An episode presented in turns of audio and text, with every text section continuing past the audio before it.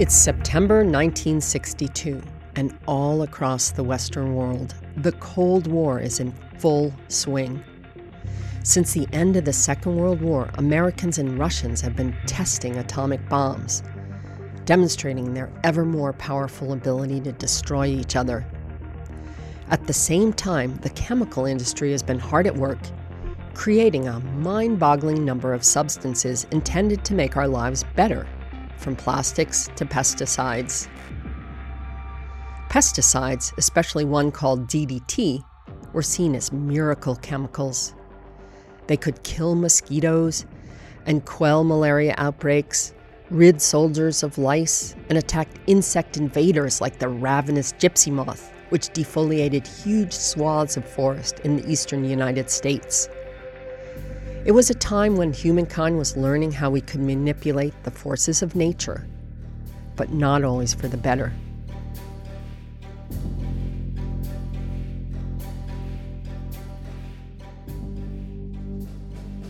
Enter a quiet, unassuming American marine biologist by the name of Rachel Carson.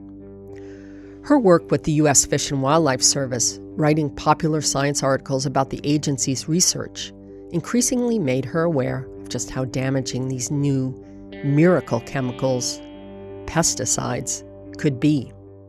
And she knew how to describe the natural world in a compelling way.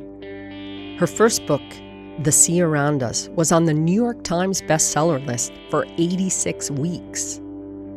In September 1962, Carson published her third book, this time documenting just how damaging pesticides were to the environment. She privately called it the Poison Book.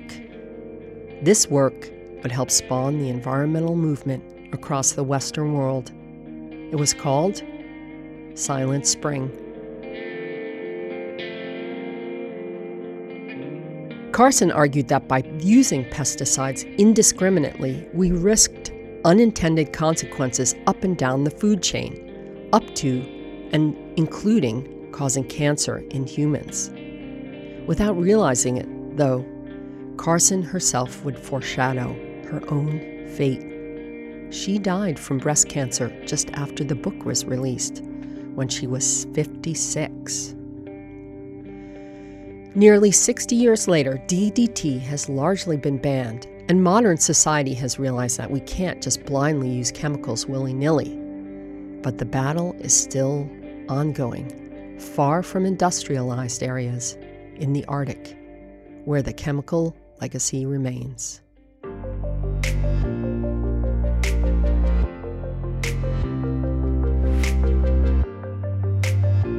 I'm Nancy Bazilchuk, and you're listening to 63 Degrees North, an original podcast from the Norwegian University of Science and Technology. Today, I'm going to tell you what researchers have learned about the fate of chemicals in the Arctic and how what they're learning is changing international law and providing life saving advice. It's a whodunit with characters like the former Soviet Prime Minister Mikhail Gorbachev, cute baby seals, and charismatic polar bears. And there's the scientists, technological detectives, searching for the fingerprints of these complex chemicals in everything from polar bear breast milk to the bodies and brains of native children living in Russia's far north. But it's not all gloom and doom. Like, just how do you capture a 200 kilo hooded seal so you can take blood and blubber samples? They are extremely difficult to catch. So they just use these nets and then they try to to get them to go in into the nets and then you just have to throw yourself over them two persons trying to keep them down. Some of them try to run away but then we have to run to to get their back back flippers and drag them further ashore. That's Bjørn Munro Jenssen. I'm a professor in uh, ecotoxicology or environmental pollution at uh, the norwegian university of science and technology Although he probably hasn't thought about it this way, Bjorn's career illustrates just how our understanding of chemical pollutants has evolved since the publication of Silent Spring.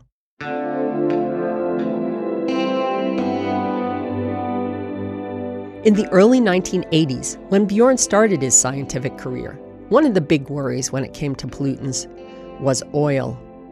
It was the go go 1980s, and black gold, oil, was being shipped all over the globe, not the least from Norway. The demand for oil was so strong that the largest supertanker ever built was launched in 1979. Although the big catastrophic spills, like from the Exxon Valdez and the Deepwater Horizon, hadn't happened yet, you didn't have to be a prophet to see that the odds of an accident were pretty good. So the oil companies decided to fund some studies of what would happen to wildlife in the event of a spill. A project on effects of oil pollution on birds came up. We decided to go on with that because that was like one of the major pollution issues in the 70s and early 80s. So we wanted to study how oil pollution affected the, the plumage of birds. Of course, we found or we we confirmed that you actually you didn't need a lot of oil on the feathers in order to destroy the um, insulation properties. So that was my start into effects of pollutants on birds, wildlife, and animals. One thing led to another, and then Conoco Phillips, they wanted to see if the oil pollution had any effects on uh, seals because they were starting with exploration out at Haltenbanken. Halten Bank, for the record, is just off the mid Norwegian coast.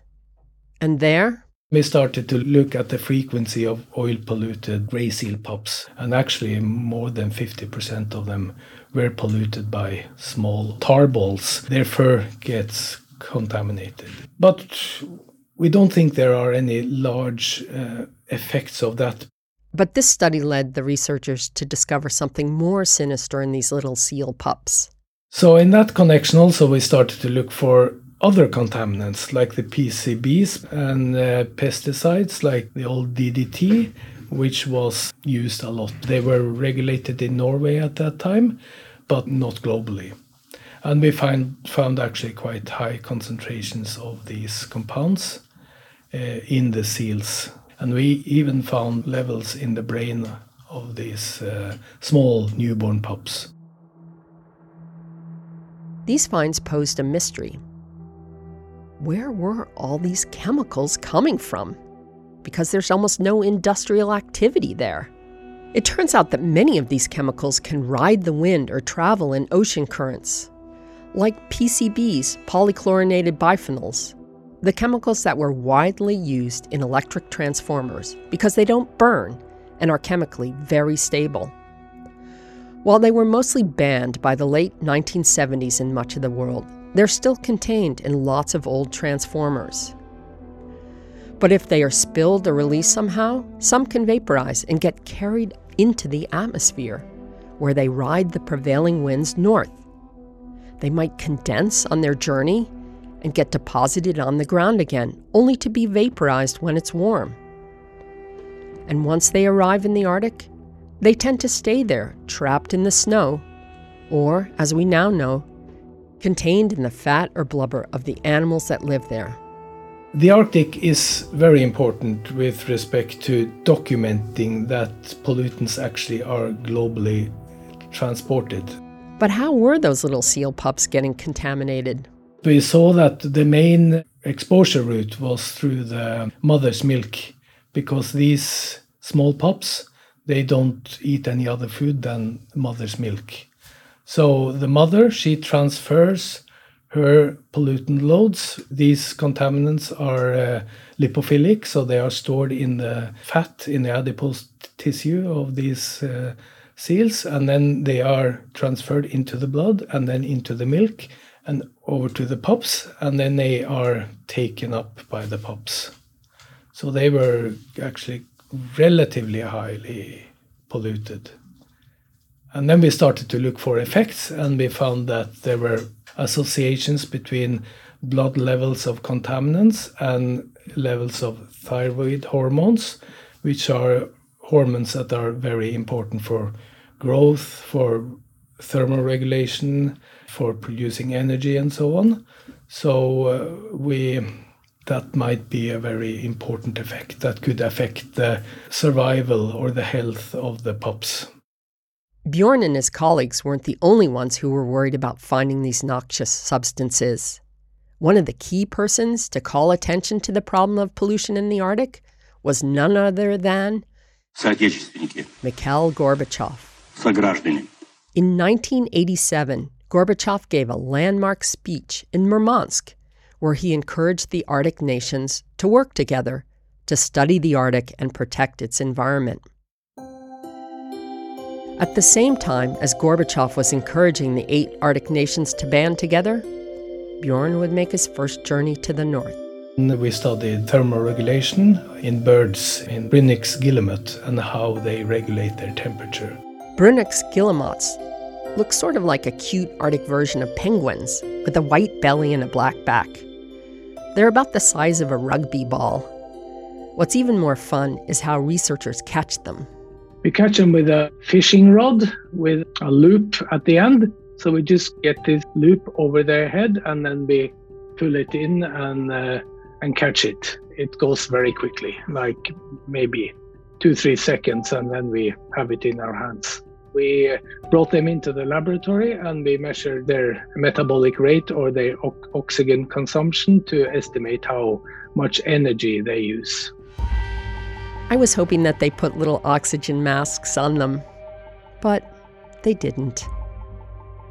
Bjorn continued his work, looking at animal physiology, how animals' bodies actually work, but more and more he found that instead of studying basic physiology, like the metabolism of Brunnich's guillemots. His work was shifting to look at how some of the increasing amounts of chemicals in the environment might affect these animals' health. So, some of the stuff that we did was to identify contaminants that the chemists didn't think would go to the Arctic because their molecular mass or their size was so large that they thought, well, it's so large it won't be transported through the atmosphere up to the Arctic. But they were. They attached to to particles and then they were transported. And they also thought that these compounds were too large to get through the membranes in the body so that they wouldn't be taken up from the um, stomach and the intestines. But we found them in several species, in birds and also in polar bears, which contributed to showing that these animals up in the Arctic, they are actually accumulating high levels of these compounds. The big worry was a group of chemicals called polybrominated flame retardants which was used a lot from the 17th and to around year 2000 when we discovered them in the Arctic. This particular find came as a huge surprise because they were discovered to be toxic and harmful in the end of the 1990s. And it's the polybrominated flame retardants that are generally regulated or banned now. You're allowed to use some of them for some particular causes. So those we didn't expect to find up there, but we, we found them in polar bears, and that was a big surprise. The scary thing about these brominated flame retardants is that they had structural, chemical, physical, and toxicological similarities to another well known bad guy, PCBs. PCBs had been around long enough that people knew they could mess with how an animal's body worked. In fact, Bjorn was among the researchers who documented in the early 2000s that PCBs, as well as organochlorine pesticides, could disrupt the thyroid and sex hormone balance and immune function in polar bears. Not good. What was possibly the most scary thing about all this PCB research is that these chemicals were mostly banned in the 1970s. But they and their breakdown products were still hanging around decades later and causing harm. And Bjorn's research showed that the flame retardants could work the same way. It's one thing to discover all this disturbing information. But in this case, that research made a difference. And here's how. Back in 1995, the United Nations Environmental Program realized that something had to be done with all these chemicals in the environment because, in part, like PCBs, they were persistent. In fact, they got given a collective name POPs, or Persistent Organic Pollutants. After lots of discussion and debate, the nations of the world agreed in Stockholm to ban 12 of the worst POPs, including DDT and PCBs. Since then, 16 more chemicals have been banned, including the worst brominated flame retardants. And one of the reasons these substances have been banned? Because of Bjorn's research. We contributed, among other people, to show that these uh, contaminants actually were present in the Arctic food chain and that they were persistent and biomagnified in the food chain to reach relatively high concentrations in polar bears. At this point, you may be asking yourself if this is a problem for polar bears, what about people who live in the north? Once again, it's the indigenous people who are the innocent victims of uh, industrial uh, activity in, in the south. That's Jon Øyvind Odland, a professor of global health at NTNU and a professor of international health at UiT, the Arctic University of Norway. He's also a medical doctor and gynecologist. Like Bjorn, Jon Øyvind has been working on toxicants in the Arctic for decades. He's been especially interested in understanding what these chemicals mean for indigenous people whose diet is based on traditional foods that contain high amounts of fats, like food from whales and seals. Most recently, he's reported results from a population of native peoples in Chukotka, an area in easternmost Russia on the Bering Sea. Just like with polar bears, Jon Øyvind has found that the pollutants are flying up to the north, going into the diet, and uh, we can find it uh, very high concentration in, in humans in Chukotka. And they found some scary stuff, including effects on cognitive and motor skills in children. We have, we have found associations with the high PCB levels in children and also reducing the effect of vaccines for the traditional uh, child diseases. Some of this can be countered with good dietary advice, he says, but there can be other complicating factors.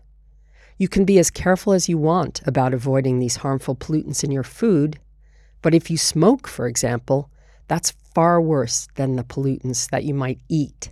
The mother smoked 30 cigarettes per day. That is really killing the harmful effects of a PCB molecule. Another complicating factor can be the problems with non traditional diets, something Jon Øyvind calls the Arctic dilemma. That's where you see the traditional diet in the Arctic that is based on centuries of uh, history, you know, where we eat very much fat rich diet, of course, in the cold. And that means the pollutants, they follow the food, the best nutrition you can get.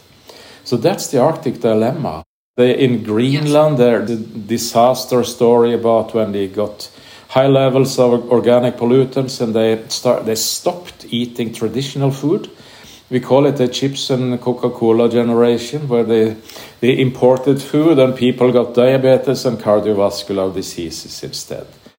In the end, in some ways, it's easier with people than with polar bears because people can get advice and choose. We have very good dietary advice now for the younger, younger generation when they get their children. For the next generation, this is very important to give the proper dietary advice to, to reduce the um, effects, the exposure to the baby.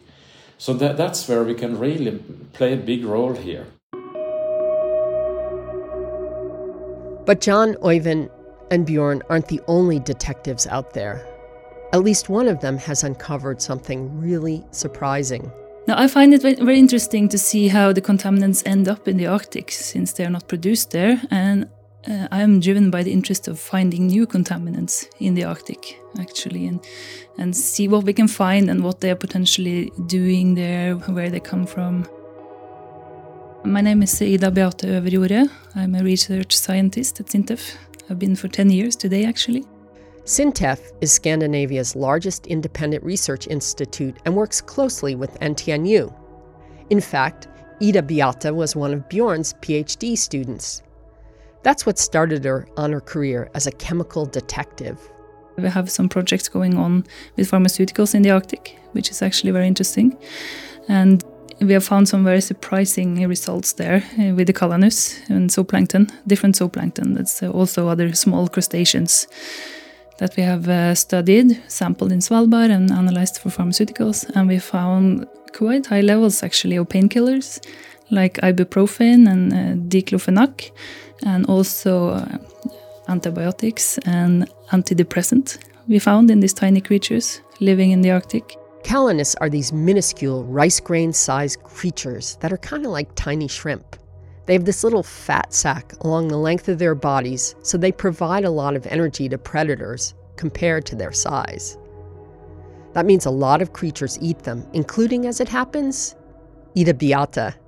Have you ever eaten one? Yes. You have? Yes. it's not uh, very good. Now, Ida Beathe and her colleagues are trying to figure out just where these pharmaceuticals come from. They know that some can come from the raw sewage that's dumped from cruise ships or from Arctic settlements like Longyearbyen, the largest town in the Svalbard archipelago, with 2,000 inhabitants. But what if these medical pollutants are traveling far, like PCBs? We are now having a project where we want to explore the possibility of long range transport of pharmaceuticals through the ocean currents, all the way from uh, Europe this is a collaboration with Poland. So we sampled from Poland all the way along the coast of Norway and up to Svalbard. So that's ongoing now. Very interesting. It's too early for Ida Beathe to have any results to share, but it's clear that the message that Rachel Carson wanted to send more than 50 years ago now has had an effect. And what if Bjorn, after a lifetime of studying pollutants in the Arctic, does he still have hope? I'm both a pessimist and an optimist, if it's possible to be that, because I see that the regulations that we have had on persistent organic pollutants they work. The most harmful ones they have been removed, although concentrations slowly are declining. They will continue to decline in general. So it shows that it's actually possible to do something, but what we as scientists can do is just to give feedback to the political world because they are the ones that really have the power to do the changes. But it shows that it actually works.